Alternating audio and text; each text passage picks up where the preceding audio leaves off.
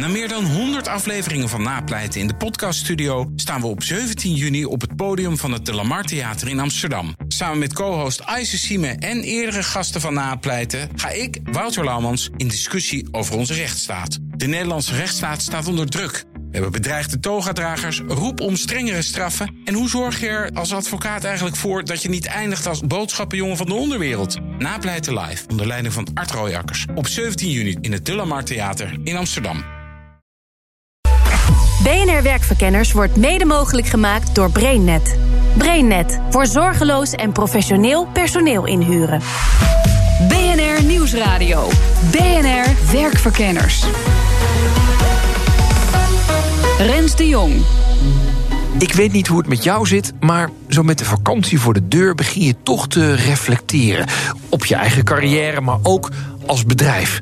Want stilstand is achteruitgang, je moet veranderen, anders word je ingehaald. En dat weten we allemaal, maar toch blijkt het ongelooflijk moeilijk om te doen.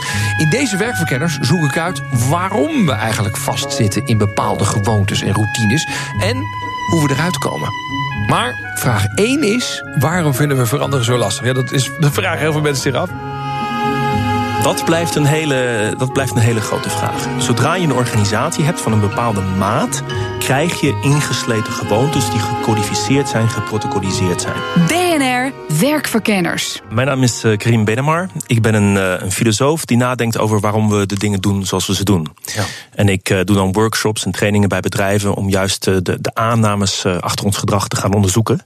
En die dan te gaan veranderen met experimenten. En, en dat pas jij toe op bedrijfsprocessen uh, uh, die ingesleten zijn. Waarom doen we dit? Omdat we, het, ja, de, omdat we het altijd al doen? Precies. Nou, in, in, kijk, het is heel makkelijk, want alle processen die we hebben zijn ingesleten. Uh, alles wat al één of twee jaar oud is, is al ingesleten. Mm -hmm. En daarom heb je de vraag: waar begin ik? Nou, begin dan waar je het meeste pijn hebt. Okay. waar je het meeste last van hebt, waar je het meeste irritatie. irritatie is goed, frustratie is al iets beter. En, en echt diepe pijn, dat, dat, daar ga je echt wel van veranderen. Ja. dus begin met de dingen waar je, waar je last van hebt.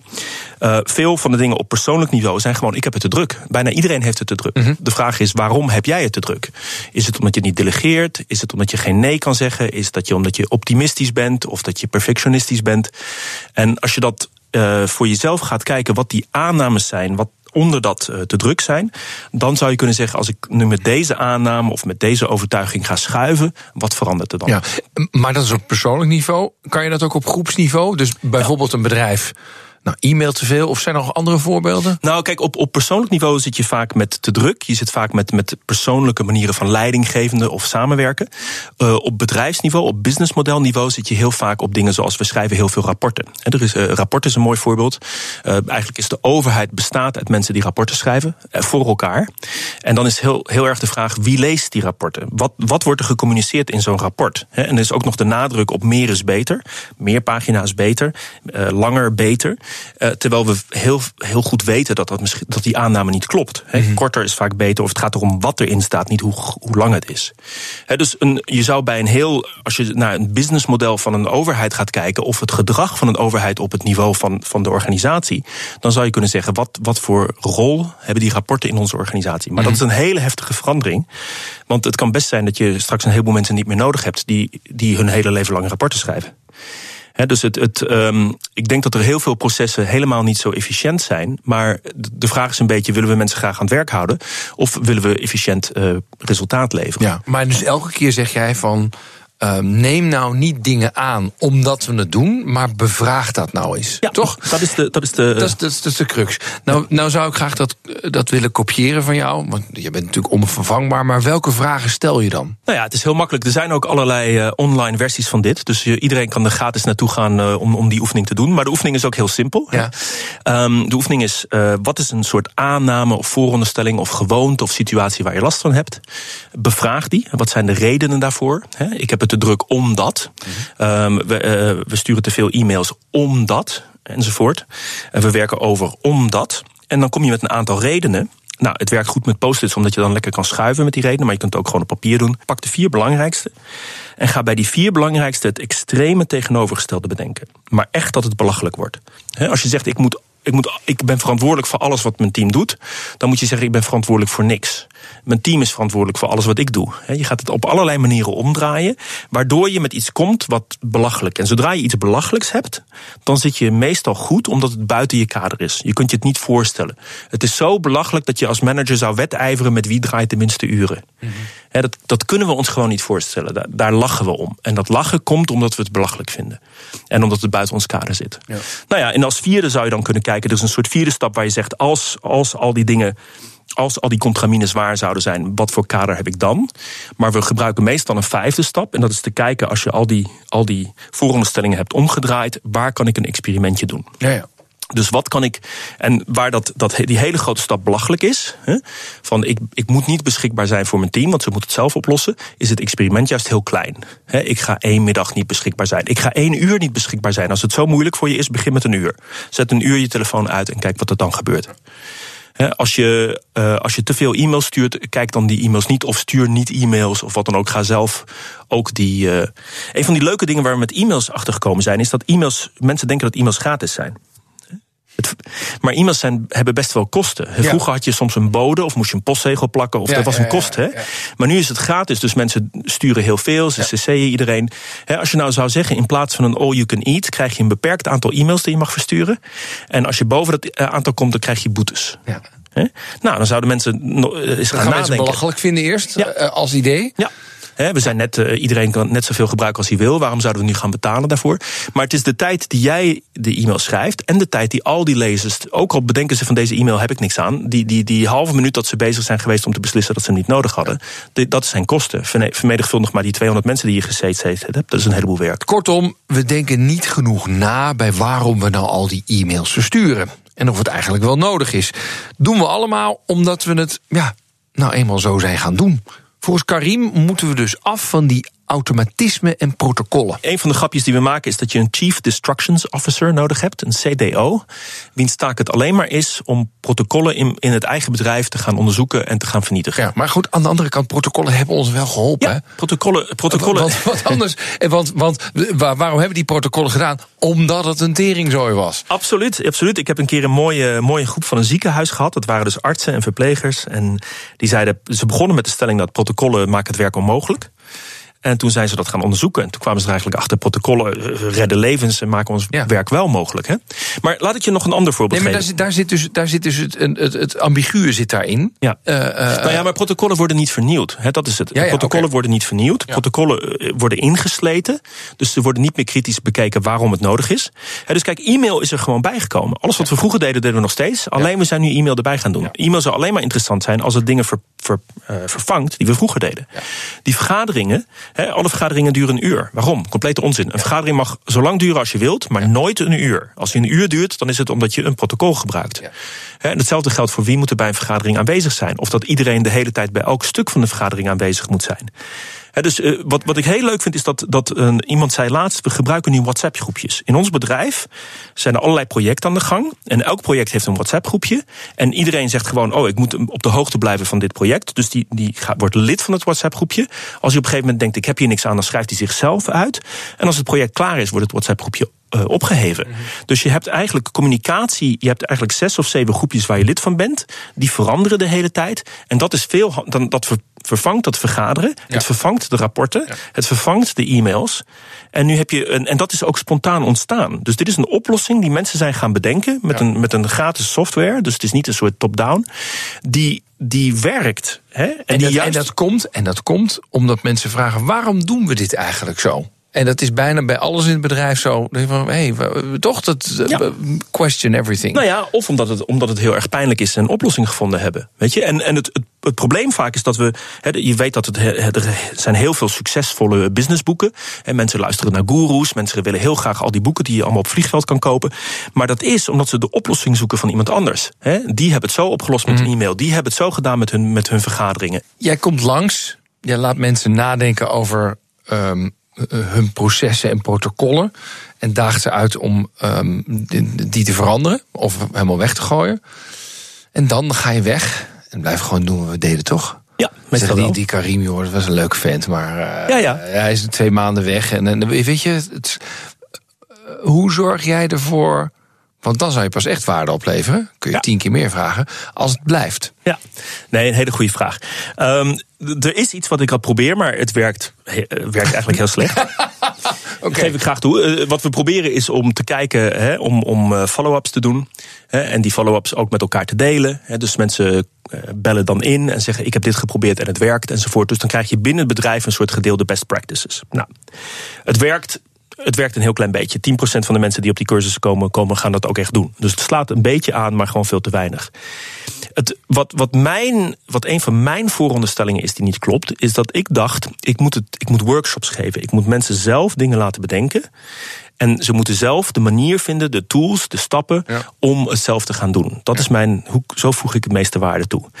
En het gekke is dat mensen eigenlijk achterover willen leunen en mij een verhaal willen laten vertellen over bedrijven waar ik dingen geprobeerd heb en die goed hebben uitgepakt. Mensen willen liever een soort voorbeeld horen. Mensen kopen die businessboeken ook om te lezen hoe Mercedes zijn e-mailprobleem oplost en dat soort dingen. En misschien is, is het te confronterend om die workshop te doen. Misschien moet, moeten wij als mensen eerst het, het, het gevoel hebben dat dit aantrekkelijk is. Moeten we eerst het gevoel hebben voor die persoon heeft het gewerkt. Dat zou ik voor mezelf ook wel willen. Die, die, die, hè, Ja, dat- oké. dat- Ja, maar, dat- maar dat is dus. Maar het, het, daar, de, de- het punt is zelfs, want dat is wat mensen willen. Maar de vraag is: wanneer voeg jij nou waarde toe? Niet als je ze geïnspireerd hebt, of als je mooie blaadjes hebt geplakt, of dat ze, dat ze een inzicht hebben gekregen. Maar ik zou daar wel tien keer meer voor willen betalen als het inzicht na een jaar ook is beklijft. En Ja. daar heb je de silver bullet dus eigenlijk nog niet voor gevonden. nee, nee, absoluut niet. En Maar ik denk dat is- ik, ik had het wel verwacht van iemand die hier zo goed mee bezig is. Nou, weet je, ik, ik denk dat het. ehm, eh, ik ben wel bij, bij bedrijven waar we die, die workshops doen, waar ik die workshops doe, word ik wel steeds meer betrokken bij dat, dat ehm, implementeren. Hè. Maar dan ga je naar een hele andere sector. Je hebt dus een sector van nieuwe ideeën bedenken, innovatie, workshops enzovoort. Hè, die, die mensen die daarin bezig Ja. zijn. En daar zie ik mezelf als één van. En je hebt de sector ver- veranderkunde en verandermanagement. En als je kijkt hoe groot die is, die is misschien tien keer zo groot of twintig keer zo groot. En eh, hè, je hebt Be- Ben Tichelaar en dat soort mensen die, die zich daarmee bezighouden. Hoe veranderen mensen? Hoe breng je dat echt in de praktijk? En dat is precies waar ik het met diezelfde Ben Tichelaar over ga hebben. Dat zometeen. BNR Nieuwsradio. BNR Werkverkenners. In deze werkverkenners zoek ik uit hoe je als bedrijf je vastgeroeste gewoontes kan afschudden en echt kan veranderen. En daar spreek ik de veranderexpert van Nederland over. Mijn naam is Ben Tigelaar. Ik eh, schrijf columns voor NRC Handelsblad. Schrijf boeken. Het laatste boek heet De Ladder. Dat gaat over gedragsverandering. En dat is ook een beetje mijn achtergrond. Ik ben gedragswetenschapper en ik probeer ja, mensen in het bedrijfsleven uit te leggen hoe hun eigen gedrag functioneert. Maar ook hoe je dat kunt veranderen als je dat wilt. Eerder sprak ik al met filosoof Karim Benamar en die zei: je hebt eigenlijk twee soorten experts. De mensen die zich bezighouden met innovatie, zoals hij zelf, en de mensen die zich richten op verandermanagement, zoals Ben Tichelaar. Maar Ben is het daar zelf niet helemaal mee eens. Ja, weet je, ik hou niet zo van dat soort verbale subtiliteiten. En weet je waarom niet? Als ik lesgeef aan een groep mensen, gewone mensen uit gewone bedrijven, die gebruiken al die woorden door elkaar. En dan komt er weer zo'n managementprofeet die zegt: ja, maar dit is net iets anders dan dat. En dan nuance, zus en zo. Maar in de praktijk la- landt dat helemaal niet. Dus ik, ik probeer het heel simpel te houden. We willen iets veranderen in ons gedrag. Dan mag je, wat mij betreft, innovatie noemen, verbeteren, eh, nou ja, ontwikkeling. Ik vind het allemaal goed. Maar in die end, als je kijkt naar het gedrag en je gaat het observeren, dan moet er toch echt iets anders worden in dat gedrag. Nou, dat is waar het mij om gaat. Ja, en daar gaat het misschien wel om, maar voor dat veranderen zijn we niet echt gemaakt. Allereerst, eh, ons brein is een gewoontemachine. Dus ons brein is voortdurend aan het kijken... kan ik met weinig moeite, door het herhalen van gedrag... wat al een keer heeft gewerkt, eh, redelijke resultaten bereiken. Niet per se optimaal, maar redelijke resultaten. It gets you through the day. Aan het einde van de dag denk je, nou, weer een dag overleefd. Dus dat is al een hele belangrijke. Dus alles waar, waar we dus zeg maar bestaande gewoontes voor moeten veranderen... dat is moeilijk, dat is, daar is ons brein niet per se op ingericht. Een tweede, eh, dat heeft met motivatie te maken. Ehm, wij, zijn veel meer, wij raken veel meer gemotiveerd door dingen die we dreigen te verliezen dan door dingen die we zouden kunnen winnen. En veranderingen gaan natuurlijk aan de ene kant heel vaak over iets nieuws, wat nog onzeker is en in de toekomst ligt. Maar het gaat ook heel vaak meteen over iets wat je nu gaat verliezen. En dat maakt het zo ongelooflijk moeilijk ook. En dan is er nog een derde aspect, dat is die directe omgeving. Eh, die directe omgeving, als je binnen die omgeving blijft, dan blijf je ook heel veel gedrag gewoon herhalen. Maar ondanks al deze moeilijkheden is het wel mogelijk om te veranderen. En dat zou een stukje makkelijker moeten worden met het boek van Ben. De ladder heet het. De ladder, dat is eigenlijk een beetje het resultaat van, nou, ik denk wel iets van, van tien jaar uh, doseren, onderzoek doen en, en dingen uitproberen. En dat is een heel, heel erg eenvoudig modelletje. Want wat je vaak merkt is dat als je probeert weer te geven wat er in de gedragswetenschap wordt bedacht allemaal. En je wilt dat graag op een hele zuivere manier doen, dan wordt het veel te ingewikkeld voor veel mensen die gewoon in de praktijk ermee willen werken. Dus ik heb een heel simpel modelletje gemaakt met een treden bovenaan. Dat is het doel om daar te komen heb je gedrag nodig, vaak nieuw gedrag. Maar gedrag komt niet zomaar, daar heb je support voor nodig, ondersteuning. Dus doel, gedrag, support. Drie treden in een soort ladder. En ja, op die manier probeer ik dan maar uit te leggen dat je. Uh, als je het echt zuiver en goed wil doen, dat je even moet terugwerken vanuit het doel naar het gedrag. En dan je moet afvragen welke support hoort erbij. En dat je dan vervolgens naar boven toe gaat proberen. Dus de support, het gedrag en dan hopelijk het doel bereiken. En alle stappen van de ladder zijn even belangrijk, zegt Ben. De reden dat ik deze drie elementen in het model eigenlijk heb geplaatst, is dat ze alle drie echt wel van een hele groot belang zijn. Je ziet dat zeg maar, het formuleren van een doel heeft een hele grote impact op het gedrag van mensen. En als je bijvoorbeeld een ontwikkeldoel formuleert in plaats van een prestatiedoel. Een ontwikkeldoel is: ik wil in de komende tijd drie nieuwe aanpakken uitproberen om bijvoorbeeld klantvriendelijker te worden. Dat is een ontwikkeldoel in plaats van ik wil van een 7 naar een 9. Dat is een prestatiedoel. Ontwikkeldoelen blijken uiteindelijk vaak tot betere resultaten te leiden. Bij de meeste mensen. Vooral als je iets nieuws gaat doen. Bij gedrag geldt dat de meeste mensen niet in staat zijn om het heel concreet te formuleren. Dus ik zeg altijd, dat is een heel simpel ezelsbruggetje. Het is pas gedrag als je het kunt voordoen en nadoen. En anders dan blijf je toch vaak nog in de sfeer van doelen of interventies eh, blijf je praten. Mensen zeggen vaak dingen als, ja, eh, we willen gewoon uh, meer verbinding tussen de mensen in het bedrijf. Dan denk ik, ja, dat klinkt mooi, maar dat is geen gedrag. En dan zeggen mensen, ja, maar dan moet je dan proactief doen. Maar als ik dan vraag aan mensen van doe dan eens proactief, doe dat eens voor, dan, dan staan de meeste leidinggevenden ook nog een beetje met een mond vol tanden. Die hebben zoiets van ja, maar ja, ja, om dat nou concreet te maken. Maar de grap is dus, als je dat soort vage opdrachten aan mensen geeft, ja, dan, dan delegeer je eigenlijk het moeilijke werk wat er moet worden gedaan. En ook het gesprek wat je erover moet hebben, dat leg je volledig neer bij de mensen die moeten gaan uitvoeren. Je zegt eigenlijk zoek het maar uit. En dan komt nog support. Heel veel mensen denken, nou ja, eh, als ik mezelf nou eh, af en toe s morgens even voornemen, eraan herinneren dat ik het vandaag moet doen, dat is wel genoeg. Maar heel vaak blijkt dat je meerdere supporttechnieken nodig hebt. Vaak drie, vier, vijf, meer supporttechnieken. om uiteindelijk het gedrag te krijgen wat je wilt. Dat is niet iets wat ik verzin, maar al het gedragsonderzoek. waarbij het gaat om een beetje complexe gedragsveranderingen. laten dat zien. Ja, support is dus essentieel, blijkt uit allerlei onderzoeken. Maar wat het nou precies is, Ben Tichelaar legt het me uit. Nou, de support kan bestaan uit allerlei zaken. De support kan bestaan uit wat managers doen om jou bijvoorbeeld aan bepaald gedrag te herinneren. Maar ook om jou bijvoorbeeld een schouderklopje te geven als ze het juiste gedrag in actie zien. Maar het kan ook in de computer zitten die je gebruikt, of in de andere devices die je gebruikt op je werk. Er kunnen reminders in staan. Je kunt jezelf bezighouden, uh, ik bedoel scoren uh, op gedrag. Dus je, je kijkt, heb ik het vandaag gedaan of heb ik het niet gedaan? Je kunt in een team met elkaar afspreken om regelmatig op bepaalde veranderingen terug te komen. Dat kan dat kan wekelijks. En je ziet ook al dat natuurlijk allerlei van dit soort dingen worden al gebruikt in het bedrijfsleven. Dus als je naar bedrijven kijkt die met Scrum of uh, andere agile aanpakken werken of, of, of Lean, die hebben vaak van die grote planborden. Daar staan dingen op. Dat zijn visuele reminders van waar zijn we mee bezig, wat is de prioriteit. Nou, dat soort dingen helpen. Maar ja, je support kan wel zo goed zitten. Het gaat je weinig helpen als je mensen wel moeten veranderen, maar niet willen veranderen. Want dat is natuurlijk de crux heel vaak. Hè? Dus uh, als je als leidinggevende niet duidelijk kunt maken waarom dit echt heel erg belangrijk is. En wat er bijvoorbeeld ook misgaat als je nu niet gaat veranderen. Uh, ja, dan blijft het moeilijk om mensen beweging te krijgen. En ook überhaupt ons te betrekken bij het veranderproces. Ja, het is dus misschien wel heel verleidelijk om allerlei veranderingen te bedenken. en die dan top-down te willen uitvoeren. Maar dat werkt niet. Zelfs niet als je allemaal hetzelfde doel voor ogen hebt. Als je bij een bedrijf werkt, dan wil je natuurlijk samen allemaal graag dat het goed gaat met BNR. Of je wilt dat het goed gaat met Blokker. Of je wilt dat het goed gaat met nou ja, waar je ook werkt.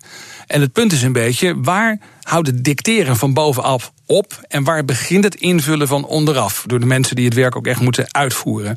Nou, mijn uh, eigen learning is toch wel dat je kunt proberen van bovenaf best veel te dicteren, maar dat werkt in heel veel gevallen niet. Want uiteindelijk het concrete gedrag wat nodig is om bijvoorbeeld meer dingen te produceren die online ook echt gaan scoren, ik noem maar eens wat, daar heb je mensen voor nodig, journalisten die daarmee hebben geëxperimenteerd, die dingen proberen, daarvan leren en daar steeds beter in worden. En dat kan je nou eenmaal niet van bovenaf volledig dicteren. Dus je kunt de kaders wel zetten van bovenaf, maar ergens onderweg moet je elkaar ontmoeten.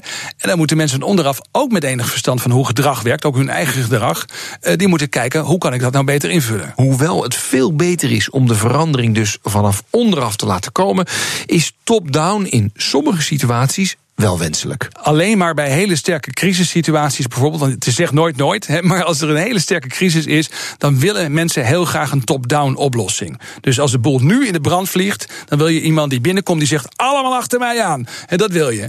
Maar op het moment dat de boel niet in de fik staat, dan wil je hem zelf kunnen meedenken. Dat is onze diepe behoefte aan autonomie die we allemaal hebben. En zodra iemand daar echt te hard tegenin gaat.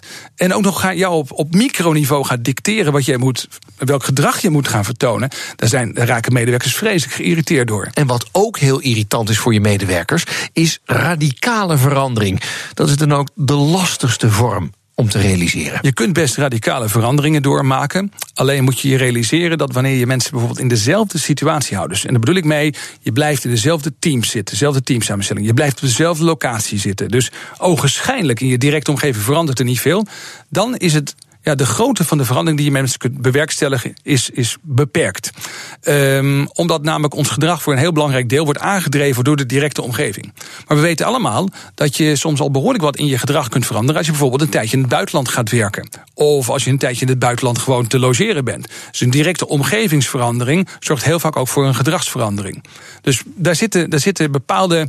Uh, barrières aan, zou je kunnen zeggen. Als je zegt, we willen allemaal in hetzelfde plan blijven, dezelfde teams, dezelfde mensen, en toch heel veel veranderen, dat is heel erg moeilijk. Ja, verandering vol blijven houden is dus erg lastig. En niet alleen als je in hetzelfde kantoor blijft werken met dezelfde mensen. Het is heel moeilijk om het vol te houden, omdat je ziet dat de meeste leidinggevenden, maar ook de meeste medewerkers, die vatten het eigenlijk te eenvoudig op. Die denken, nou, uh, als we een beetje ons best doen en je moet het een beetje willen, we zijn een beetje gemotiveerd en we hangen twee plakketjes aan de muur, dat moet wel genoeg zijn. En de grap is, dat is wel het goede begin, dat is de goede eerste stap, maar het is niet voldoende.